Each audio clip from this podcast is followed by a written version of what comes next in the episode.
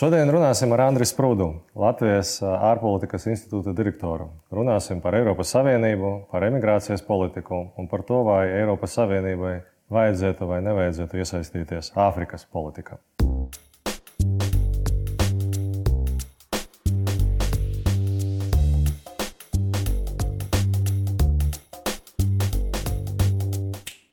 Andrija, paldies, ka pievienojaties. Mēģināsim komunicēt šāda veida. Um, Tātad, nu, jebkurš cilvēks sēžot uz divāna, skatoties televīziju, ir labākais izlases treneris un parasti ir visgudrākais ārpolitikas analītiķis. Es arī šodien mēģināšu to telot un tad, jautāt jums, kā profesionālim šajā jomā. Um, nu, skatoties uz, uz, uz Eiropas Savienības uh, attīstības trajektoriju. Ja desmit gadus atpakaļ nevarēja izteloties no to, tur, kur mēs šodien esam ar Brexitu, tad tagad var izteloties vēl divi, trīs šādi negatīvi keisi, un tad mums nāksies domāt par to, kura daļa no Eiropas Savienības saglabāsies. Nu, kā jūs, kā profesionālais analītiķis šajā jomā, ko jūs domājat par šo tēmu?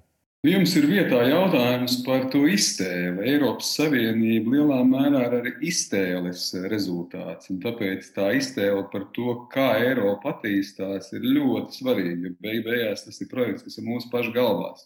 Ja mēs tam ticam, tad mēs arī to veidojam. Ja mēs tam vairs neticam, tad mēs pamazām sākam domāt, ka varbūt tam nav nākotnes. Un tāpēc, protams, ka Brexits tam ir pietiekoši liela nozīme uz mūsu, ja tā var teikt, šo te psiholoģisko, mentālo nospiedumu mūsu pašu galvās, kā mēs skatāmies, kā mēs ticam. Bet uh, tomēr tajā pašā laikā es gribētu teikt, ka arī tās baumas par Eiropas naudu nu, tās ir pāragras. Jo uh, Lielbritānija, arī šis Brexit, tomēr ir bijis, nu, zināmā veidā, tāda Eiropas nomala, nekad nav bijis centrā, vienmēr ir bijis nostāts. Un var jau teikt, ka Eiropa šobrīd tomēr ir no Briseles līdz Berlīnai, nu, varbūt nedaudz klāt pieķerot Parīzi. Tāda viņa ir bijusi, tāda viņa ir šobrīd, un tur tomēr tas potenciāls attīstīties arī e, ir. Eiropa, protams, kad ir piedzīvojusi virkni krīzi, un tās krīzes ir parādījusi, ka, nu, protams, tāda augšupejoša līkne viņa nav vienmēr īstenojama, ka Eiropā ir daudz ievainojamības. To pierādīja arī Covid un, teiksim, viss, kas ir noticis pēdējā gada laikā.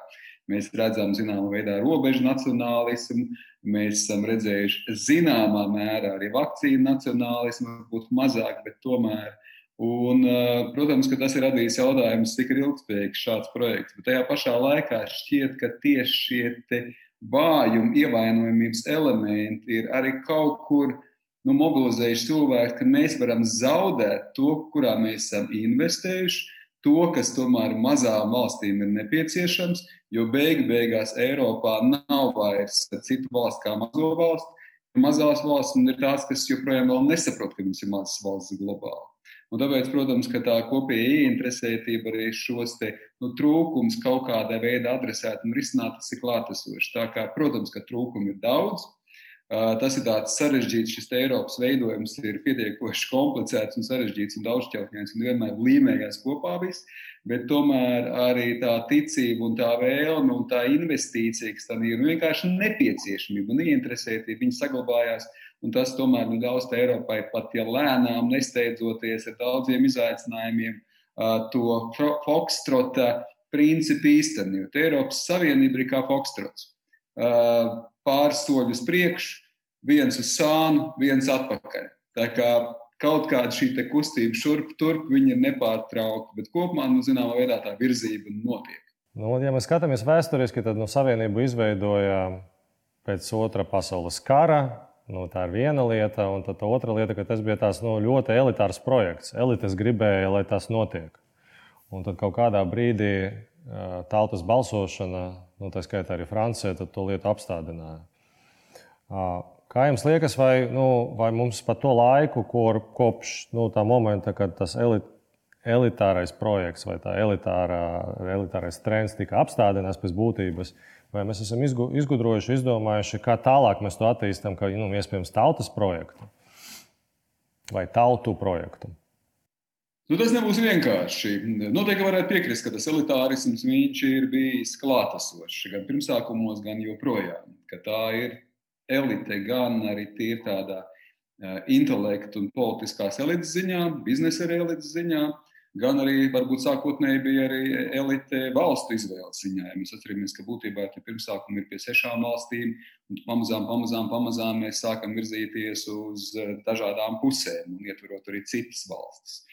Līdz ar to, zināmā veidā, elitārisms ir, bet tajā pašā laikā tomēr jāatcerās, ka Eiropas Savienībai, nu, savā, ar ko mēs sākām ar ogļu un tērauda apvienību vai kopienu, tas jau viss sākās tomēr arī ar vēlmi novērst to, no kā cieta ļoti visas sabiedrības otrā pasaules kara laikā, līdz ar to Eiropā kopumā. Var jau teikt, ka Eiropas Savienība ir pats veiksmīgākais kara novēršanas instruments un mieru uzturēšanas operācija cilvēces vēsturē. Jo mēs viens ar otru cīnījāmies nepārtraukti, un, protams, ka vācieši bija vienmēr tās centrā. Šobrīd Vācija un vācieši faktiski ir tieši otrā. Tas ir tas, kas satur visu Eiropas Savienību arī kopā. Un viņi vēlme arī ieguldīties un investēties. Tā kā nevarētu noliekt, ka ir šī sabiedrības dimensija absolūti klātesoša, kad bija mēģinājumi risināt, lai mēs beidzot izvairītos vienkārši no asins izliešanas, kas bija gadsimtiem klātesoša. Ja runā par šodienu vairāk, tad, protams, kā spērt tos nākošos soļus, atkal nav vienkārši. Jo beig beigās tomēr Eiropas Savienība nav kaut kāda mistiska savienība, abstrakta savienība ar vienkārši tādu skaistu nosaukumu, bet tā ir valstu savienība. Tur ir 27 valsts, bija 28, viena no tām izstājās, jo sabiedrība balsoja pret palikšanu Eiropas Savienībā. Tā kā, protams, ka šis Eiropas Savienības būvniecības process, tas ir katras dienas referendums. Vai tā ir kā riteņgriešana, tikko kā tu apstāsies, tā ritenis nogāzīsies. Un, protams, ka uh, nu, kaut kāda aizķeršanās jau tur gadās, ne visas sabiedrības daļas ir gatavas akceptēt, tieši tāpēc jau ļoti svarīgi, ka tomēr lielākā sabiedrības daļa katrā valstī ir gatava arī redzēt to ieinteresētību. Nu, man šķiet, ka arī Latvijas gadījumā mēs skatāmies kopumā uz visiem šiem pētījumiem, tad tomēr jau pat vienmēr esot apmierināti ar to, kas tur notiek, un kā tā Eiropa mums, viņi mūs nesaprot, mēs nesaprotam, un tur tie eirokrāti bet tajā pašā laikā tomēr ir tā sapratne, ka bez Eiropas varētu būt pat izaicinošāk.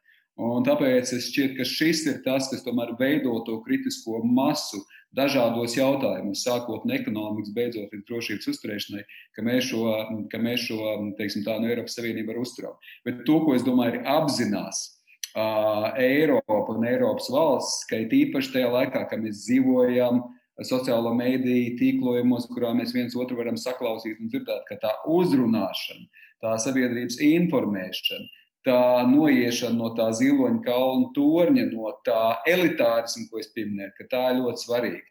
Bet šī sinerģija un kombinācija starp elitārismu un to, ka mēs pārliecinām visas sabiedrības daļas, nu, nebūs vienkārši. Un, laikam, tā pārliecinošākā atbilde ir tā, ka mēs nodrošinām zinām kopēju ekonomisko labklājību un drošību. Tikko kā kāds no tā sāks krist ārā, tā būs problēmas. Bet jāatcerās atkal, ka politikā nav tikai par kalkulācijām lieta. Politikā ir arī par emocijām, jūtām, bailēm. Uh, un, principā, nevienmēr mēs esam tik ļoti racionāli savā izvēlēs. Var jau teikt, ka Briti arī nebija līdz galam racionāli.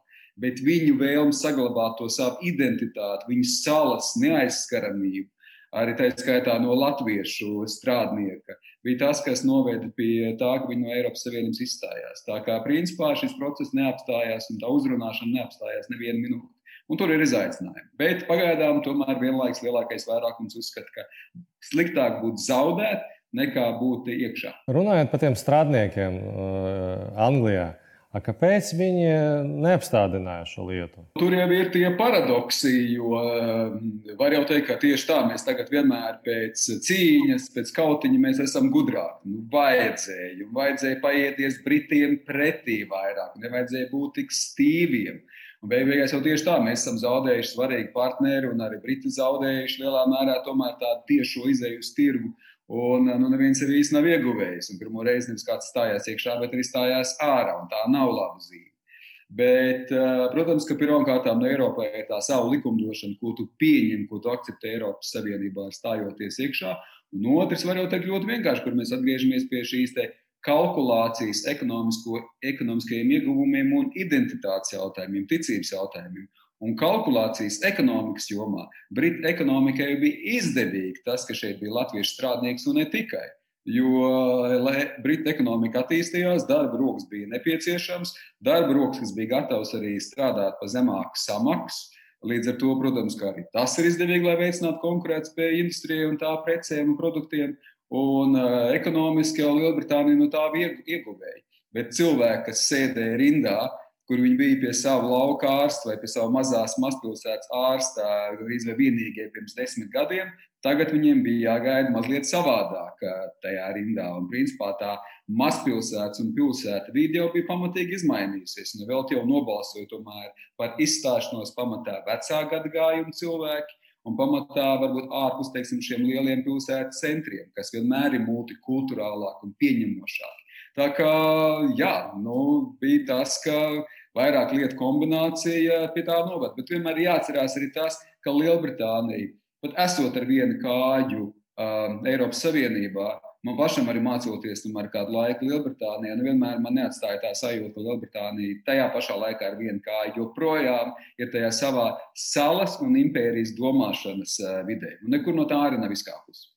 Man fascinē tas jautājums ar emigrāciju, nu, tā skaita gan Anglijā, gan Vācijā, jo nu, tas scenārijs šķītam ir viens un tas pats vienmēr. Tad, tad kāds izdomā, ka var uh, ielaist uh, ļoti ātri vien, pieņemsim, Angela Merkeļa uh, nolēma, ka, nu, ka tā ir laba ideja uh, ielaist tik daudz uh, emigrantu.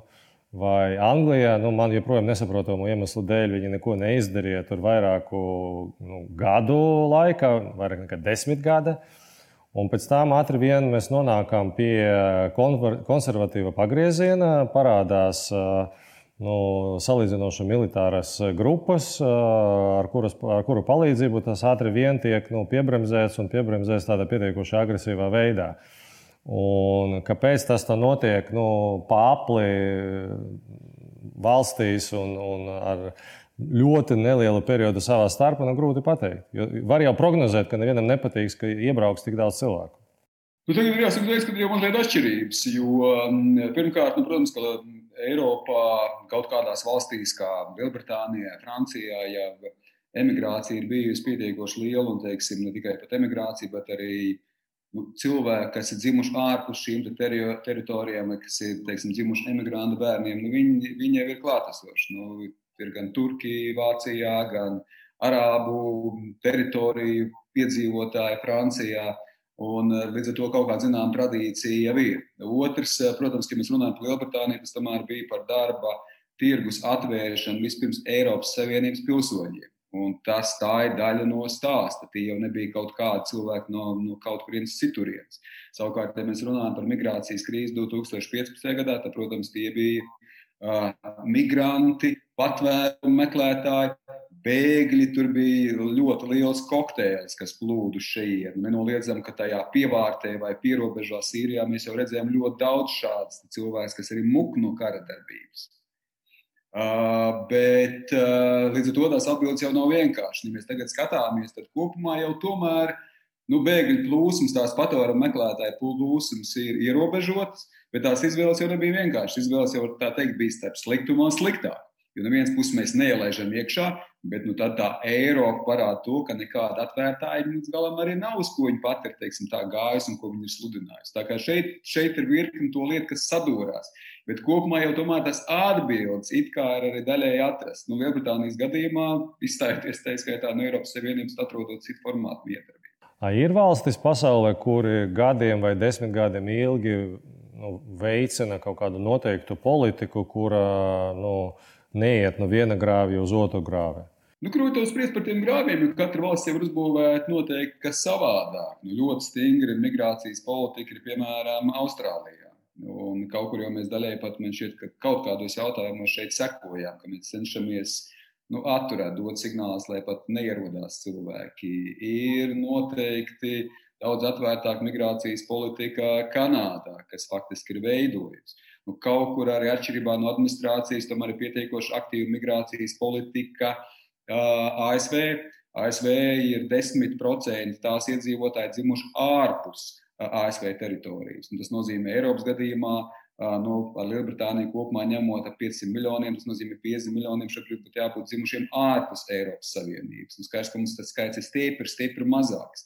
Tā kā nevarētu šeit arī teikt, ka mēs esam iekrituši kaut kādā milzīgā grāvī, tikai tas, ka tas notika viena gada ietvaros. Un ka bija teiksim, šī plūsma, un skaidrs, ka šeit vienkārši sistēma nespēja to akceptēt. Ir jau valsts, kas būvē to ļoti ilgstoši. Katara, Kuveita, principā tur dažkārt pat apvienotu Arābu Emirātu kur emigrantu skaits pat pārsniedz iedzīvotāju skaitu, jo nu, vienkārši teiksim, šī darba roku nepieciešamība ir vajadzīga. Tā kā ļoti daudz un dažādi modeļi, tie ir atkarīgi no konkrētās valsts specifikas, no tradīcijām, bet tā, protams, izaicinājums ir tas, ka, ko jūs jau minējāt, Vācija pieņemot migrantus, faktiski migranti, teiksim, šī politika sāk ietekmēt visas pārējās valsts automātiski. Un pārējās valsts līdz galam nebija gatavas akceptēt to. Tā kā šeit ir tas izaicinājums, kad Eiropas Savienības gadījumā, ka mums ir dažādas situācijas. Varbūt parunājam par Ziemeļāfriku. Jo es vienreiz apskatījos, cik eh, Ziemeļāfrikas valstīs ir eh, kristiešu. Tas bija tajos laikos, kad 15. Eh, gadā, kad bija visas tas krīzes. Un es te padomāju, ka jebkurā tādā nopietnā konflikta gadījumā, nu, pieņemsim, šī cilvēku grupa, kristieši, mēģinās bēgt un bēg, bēgs uz Eiropu. Ja? Un tad, skatoties uz mūsu Eiropas Savienības narratīvu un dialogu par šo jautājumu, nu, var lasīt daudz ko par to, kā nu, ot, risināt šodienas problēmu, bet, nu, lasot nu, vismaz tādu parastu politisku presi, ne specializētu presi, Es tā īsti neredzu tādu baigi aktīvu diskusiju par to, ko Eiropai vajadzētu darīt, lai uz Eiropas robežām nebūtu tādu valstu ar nu, neskaidru politisku struktūru, kā tagad ir Sīrija un tam līdzīgi. Ja? Mēs redzam, ka Savienotas valstis tur ir ļoti aktīvas, bet Eiropā kaut kādā nozīmē pat nemēģina iesaistīties, izņemot nu, dažus gadījumus, vai ne, piemēram, Francijas mēģinājumi. Tad, kā jūs redzat to no profesionāla viedokļa? Nu, no, vienkārši iesaistīties kaut kur kādos konfliktos. Bet mēs neiesaistāmies, jā, mēs neiesaistāmies. Es tieši par to gribētu sūtīt savus cilvēkus vai karavīrus, nu, piemēram, uz Sīriju. Nu, diez vai. Diez vai arī citi vēlētos to darīt. Principā, kur ir asiņains pilsoņu karš, kur ir asiņains konflikts Nu, mēs noteikti Eiropas gadījumā, atgriežoties pie tā, ko mēs iepriekš runājām, esot tā vairāk mieru uzturēšanas operācija, šīs rezultāts un produkts, skaidrs, ka mēs esam ļoti piesardzīgi kaut kur sūtīt. Tā ir, tas ir Eiropas spēks un tas ir Eiropas ir vājums. Spēks tajā ziņā, ka mēs necenšamies iesaistīties militāros konfliktos pārāk aktīvi. Tajā pašā laikā, protams, ka tieši tā mēs īsti nespējam ietekmēt to mūsu kaimiņu, teiksim tā, teritorijas. Un, jo, jo ja nav, ja nav to instrumentu pilns paketes, tad eh, iespējas ir daudz, daudz ierobežotākas. Bet, kā jau teicu, šeit ir absolūti spēks un priekšrocība. Tas arī nozīmē, ka mēs um, risinām savādāk. Mums nav jāsūta savu puiši un meitenes uz, teiksim, uz, uz karavīru, uz kaut kurienu un mēģināt to risināt ar spēku palīdzību. Es domāju, ka zināmā veidā jau kaut kāda ietekme ir.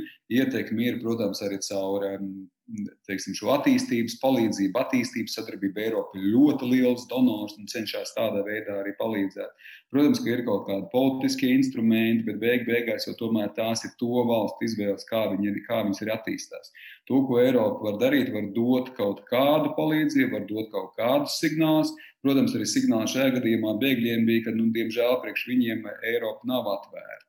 Ka tomēr tas akceptācijas eh, līmenis vai dziļums, nu, viņš, viņam ir diezgan ātri sākās eh, tie, tās robežas. Un ļoti ātri principā, vienojamies, ka vienkārši mēs bēgļus vispār nelaižam iekšā un eh, cenšamies atturēt eh, cilvēks no, no iebraukšanas. Tā kā jā, ir kaut kāda instrumenta pakete, bet nav jau šeit tāds baltais un melnais, ka mēs tagad varēsim atrisināt Ziemeļāfrikas problēmas. Un jums absolūti taisnība, ka ir valsts, kas ir gatavs tieši tā aktīvāk. Un viena no tām ir Francija, kas ja šajās savās bijušajās arī no nu, impērijas teritorijās vēl joprojām uzskata, ka ir viņa atbildība ietekmēt un veidot zinām stabilizāciju, jo tas ietekmē arī pašu Franciju un Francijas stabilitāti. Tā kā atkal šeit ir dažādas šīs tradīcijas un tās iespējas un arī vēlme uh, iesaistīties šādos konfliktos. Ja mēs tā parunājam bišķiņ vairāk par Afriku, piemēram, 50., 60., 70. gadi bija tāds izteikti pēc, uh, pēc kara laiki, kad nu, daudzas valstis guva atkarī, neatkarību, un tad bija cerības, ka tas valstis kļūs par demokrātiskām valstīm. Tad, nu, tas bija tas pēcimperialisma gadi. Tad, tad bija mēģinājums palīdzēt Irākai kļūt par demokrātisko valsti. Tas mēģinājums beidzas ar to, ka ne Irāka, ne valstis apkārt Irākai nu, pārāk tālu nav aizgājušas. Tātad, kā, ko mēs uzzinājām no politiska viedokļa par pa šo teiksim, 50, 70 gadu periodu? Ko nozīmē nodibināt demokrātiju un kā pat iespējams ne demokrātija, bet kaut kāds miermīlīgs pārvaldes veids parādās kaut kur. Kā mēs varam veicināt, ka viņš tur parādās? Nu, nu, ir dažādi vērtējumi šeit. Ir. Nu, var jau teikt, ka mēs pie tās demokrātijas pamazām tāpatās nonākam, ja skatās kopumā, cik pasaulē ir valsts un cik no tām ir demokrātiskas, tad tā kopējā tendence tomēr ir uz demokrātisku valstu skaita palielināšanos, vismaz pēdējos 20, 30 gados arī pēc Padomju Savienības sabrukuma. Bet vienlaikus iezīmējās tomēr ar otru tendenci. Un man šobrīd, laikam, gribot, negribot būt eh, kaut kur, diemžēl, jāpiekrīt, ka šī otra tendence ir ļoti, ļoti spēcīga. Tas, ka tomēr ir arī valsts ar savām kultūras tradīcijām, ar savām reliģiskajām tradīcijām, ar savām civilizācijas tradīcijām, kas tomēr nu, uzliek zināmu iespēju uz to, kas tajā nosaukumā, pat ja valsts nosaucās demokrātija vai demokrātiska valsts, kas tajā ir īsti saturiski iekšā. Un um, noteikti bija arī šī diskusija arā pavasara laikā, 2010. un 2011. gadā, ka tiešām varbūt ir arābu valsts nav nolemtas, ka viņām nav šis liktenis būt autoritārām valstīm, ka viņas var sekot arī nu, kaut kur Turcijas, piemēram, lai gan tur šobrīd rodas ar vien vairāk jautājumu, kā islāma valsts, musulmaņu valsts, ka viņas var būt arī būtībā demokrātiskas valstis. Mums jau, teiksim, arī šeit, Albānijā, arī tomēr nu, ir pietiekoši daudz dominējoši ir musulmaņi. Tajā pašā laikā nu, šī virzība ir. Un arī Libānā mēs varētu par to runāt, un Jordānijā daļai. Tā kā, kā šie modeļi ir daudz un dažādi, un teiksim, tā ir, tā ir tomēr plašāka buķe. Bet tomēr kopumā mēs redzam, ka tā demokrātijas veidošana valstīs ar ļoti spēcīgu reliģisko ietekmi, ar klānu ietekmi, ar reliģisko grupu, dažādu teiksim, tā, segmentāciju, nu, nav vienkārši. Un ka varbūt kaut kur jāpieņem, ka pasaule vairs nav nu, vienas modeļa dominēta pasaule, kā tā Francisku Kuģama vēstures beigas, kurā dominējas kapitālisms un demokrātija, tā kā sistēma cilvēks attīstīt. Mēs varam apšaubīt, iespējams, tās tradīcijas, viņas ir spēcīgākas nekā tā vēlme redzēt, ka visas valsts ir eh, demokrātiskas. Tā kā jā, šeit izaicinājumi būs. Tagad es domāju, ka tas ir viens, viens no šiem secinājumiem. Protams, ka arī vēl otrs, varbūt tās papildus secinājums ir, ka daudzās šajās arābu valstīs šis autoritārisms izriet no iekšējā vājuma. Tas izriet arī no tā, ka tās joprojām ir valsts, kas ir kaut kur atdalījušās, un vienmēr šīs robežas bija adekvāti novilktas. Tās bija arī impērijas atdalīšanās rezultātā novilktas mākslīgas robežas, un ka arī zināmā veidā šis mantojums, arī kaut kur naids pret bijušām impērijas nu, teiksim, tā, galvaspilsētām un centriem, un arī vēl papildus elementi, kas nāk iekšā. Un, teiksim, tā pasaulē, protams, ļoti jūtīgs jautājums ir Izraels jautājums. Tā kā šī kombinācija veidotu kokteili, kas stiprina autoritārismu tendenci, kas vairāk spiež fokusēties uz ārējiem ienaidniekiem un nevis mēģināt veidot to pārvaldes formu, kas varbūt ir iekļaujoša un kā mums, Eiropiešiem, būtu nu, pieņemamāka no mūsu skatu punkta. Tā kā arī tur ir savas tradīcijas teiksim, savas attiecības ar Ķīnu, Eiropu un Ķīnu, Savienotas valstis un Ķīnu. Kā jums liekas, mums vajadzētu fokusēties uz to, ko Ķīna vajag labot, vai pieņemt, ka Ķīna ir savādāka un domāt par to, kā, kā mēs mainamies, kā mēs kļūstam stiprāki? Nu, brīva konkurence ar Ķīnu. Nav vienkārši tas jautājums ar Ķīnu, jo, protams, ka Ķīna ir nu, ļoti svarīgs spēlētājs. Ķīna ir mūsu lielākā pasaules ekonomika. Un pateikt, ka, ziniet, mēs negribam sadarboties ar lielāko pasaules ekonomiku, nu, tas rada jautājumus. Tad ko? Mēs sadalīsimies tikai pa nu, demokrātijām un pārējām valstīm mēs attiecības neveidosim, un ar to arī zaudēsim kaut kādu kopēju attīstību un arī iespējams savu labklājību. Tagad šis jautājums ir ar dilemmu, viņš ir ar izaicinājumu, nenoliedzami. Vēl jau vairāk tad, kad ASV kaut kur mums liek ieņemt tās pozīcijas. Vai nu jūs ar mums, vai nu jūs vairāk tā kā ar Ķīnu mēģiniet veidot šīs attiecības. Un vēl te Eiropas arī valodā, narratīvā, stāstā, attieksmē nu, parādās tāda pretrunīga koncepta vienu un to pašu runu dokumentu ietvaros, kurā Ķīna ir gan strateģiskais partneris, tīpaši ekonomiski, vienlaikus arī strateģiskais konkurents kas ir nāk ar savu vēlmu, ar savu interesi ietekmēt globālo vidi un tā skaitā arī virzīt tās savas ekonomiskās intereses. Es domāju, ka tā pozīcija bija ļoti laba jūsu jautājumā, jo piezīme un es pat teiktu, liela daļa no atbildes. Protams, jo spēcīgāk mēs paši būsim, jo mums, nu, mēs būsim mazāk ievainojami. Viens no tiem, protams, ir arī tas, ka nu, viens attīstās ekonomika attiecībās ar Ķīnu, Tad ir jautājumi, kurām mēs pietiekoši, mums vajadzētu būt pietiekoši striktiem. Arī šis investīciju skrīnings, ka ne visas investīcijas ir pieņemamas, ne visa nauda ir pieņemama. Ka tajā pašā laikā, ja ķīnieši investē un pārņem kompānijas šeit, tad tomēr ir tiesības un iespējas arī, ka Eiropas kompānijas ir klātesošākas, bez ierobežojumiem darboties arī Ķīnā. Nu, kaut kāda virzība tajā visā notiek, bet jāsaka, ka vienkārši nav.